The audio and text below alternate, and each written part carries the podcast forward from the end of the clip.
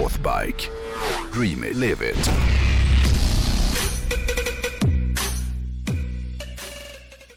Förra veckan så berättade jag om Karl Oskar Hedström. Mm. Det var ju den här svensken. Indien. Ja, som låg bakom Indien, precis.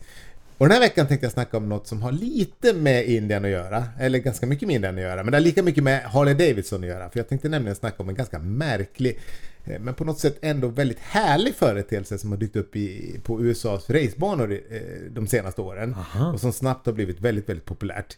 Om du tar ett gäng misfits och kombinerar dem med några av de bästa före detta roadracingstjärnorna i USA. Och sen så lägger du till en motorcykeltyp som inte har någonting på en racingbana att göra. Och sen så slutligen så adderar du en rivalitet som sträcker sig över 100 år tillbaks i tiden. Då får du en ny racingklass som kallas King of the Baggers. Googla- King of the Ja, Baggers. där får du googla för det här kommer du älska. Det här är right up your alley. Älskar namnet alltså. Mm. King of the Baggers. Alltså en bagger det är en stor och tung hoj som är byggd för att, ja den är med efter att glida fram Ja. på glassen. Det är en perfekt hoj för en 50-plussare att visa Ja, fram att på åka Route i 66 Miami, liksom. liksom. Ja men eller hur. Eh, stora V-twins, stora kåpor, stora packväskor. Ja men du vet, folk vet, ni vet vad en bagger är. Ja. Och föraren är ju inte sällan en tjock, hamburgerglufsande och öldrickande tatuerad man som andas allt utom fart. Ja. Men skenet bedrar. För, för många som kör de här hojarna ser heller inte ut som elitidrottsmän utan många av de här har lite kagge. Men, men, men de kan samtidigt som sagt ofta då ha ett förflutet inom roadracingen eh, på lite olika nivåer då. Men istället då för att köra en CBR 1000 RRR eller en Kawasaki ZX 10R så, så kör man nu då istället en trimmad eller modifierad Electroglide eller en Indian Challenger på bana som de liksom har byggt om. Oj, Det, äh, det, är ju, det som är så fränt med de här hojarna är, är ju att även, alltså de är, de är ju väldigt modifierade. Eh, Men det är ju... Kolla på de här bilderna. Ja, det är så jävla Stora Electra Glide där de ligger bakom Ja, och bara kåpan. matar, precis. Men det som är så coolt med de här, är att även om de är väldigt modifierade så kan du i princip gå in på Northbike och beställa en ny Electra Glide och sen så går man in på typ SNS och beställer hem samma racingkit som tävlingshojarna har och vips så har du en sån här hoj själv som du i praktiken kan ta till en bana och köra med. Eh, Eller om man nu vill bryta mot lagen. Ja. Mm. Det är ju ingenting vi uppmanar till. Men det är ändå kul. Ja. Men förstår att komma med, en- med en, liksom en Electroglide, en, en bagger Mm. och bara blåsa om en sporthoj. Ja, ja visst! Jag vet inte om den kan blåsa om en sporthoj, för den är fortfarande... I fantasi! Ja.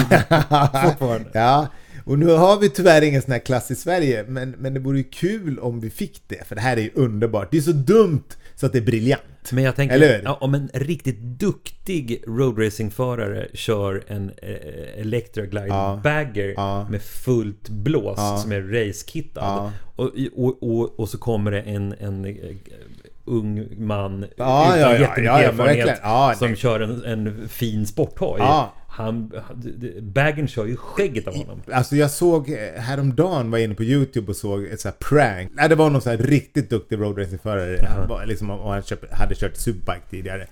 Då tar han en eh, KTM 1290 Adventure och, och kommer till en trackday med. Först vill han ha packväska och hela skiten men det får han inte. Han ska sitta liksom, vara utklädd till typ en sån här adventure-gubbe och spöa de här ungtupparna på sina roadracinghojar för att han är så bra på att köra. Och den har ju så jävla mycket vrid och så jävla mycket hästkrafter så att han, han fan, blåser ju om du dem på, på, på, mig. en sån här kul. Ja, det är jätte, jätteroligt. Uh, Ja, men det som gör det här så fränt, alltså King of the Baggers, ja, men liksom om man jämför med en sporthoj, Ja. de är liksom lätta och smidiga och det går ju liksom parera alltså, misstag. Men ett, ett sånt här baggermonster, det är ju lite mer som Nascar i det att går det åt helvete, då är det liksom bara att hålla i sig och hoppas att, att, att det går bra. För att den Ah. går ju, ja, den är, den är, lite, den är lite långsammare i, i reaktionen om man säger Jag måste ju säga att jag tycker de är fruktansvärt Ja, jag snygga. sa ju det! Det är så jävla mycket krick där. Det som också är härligt med den här klassen är att glada amatörer, eller gl- galna amatörer kanske jag skulle Ah. vilja säga, de tävlar också då tillsammans med HDs fabriksteam och deras proffsförare. För sporten är ju så ny så amatörer och proffsteam kör ju än så länge mot varandra i samma... Och, och, och, Sen är det ju det här med rivaliteten då mellan Harley Davidson och Indien som också adderar en speciell känsla till den här sporten. För det är bara HDs och Indien då. Och Indien grundades ju 1901 och Harley Davidson 1903. Men sen så gick ju Indien i konkurs 1953. Men återuppstod då så sent som 2011 vilket har gjort att hatet mellan Harley Davidson och Indien har ju liksom blossat upp igen då. Ah. Nu mer än någonsin kanske dessutom eftersom Indien har ju ba, de är ju bara ute efter att, ta marknadsandelar från Harley Davidson. Så, så det är ju otroligt mycket prestige ute på banan. Och därför lägger nu Harley Davidson enorma summor på att vinna King of the Baggers.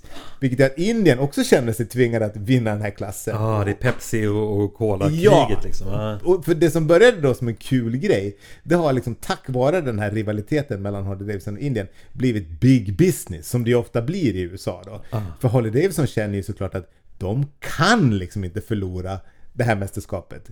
Eftersom den heter King of the Baggers. Det, det, det måste ju vara King of the Baggers. Medan Indien då, de fattar ju att om de vinner King of the Baggers så är det en sån enorm fjäder i hatten. Så att det här Det är har det liksom som gör spett på- namnet så brutalt Ja, det har liksom spett på det här så det har spårat ur. Och King of the Baggers har ju också på kort tid blivit upptagna då i det här Moto America som är organisationen som marknadsför AMA, alltså Superbike-serien.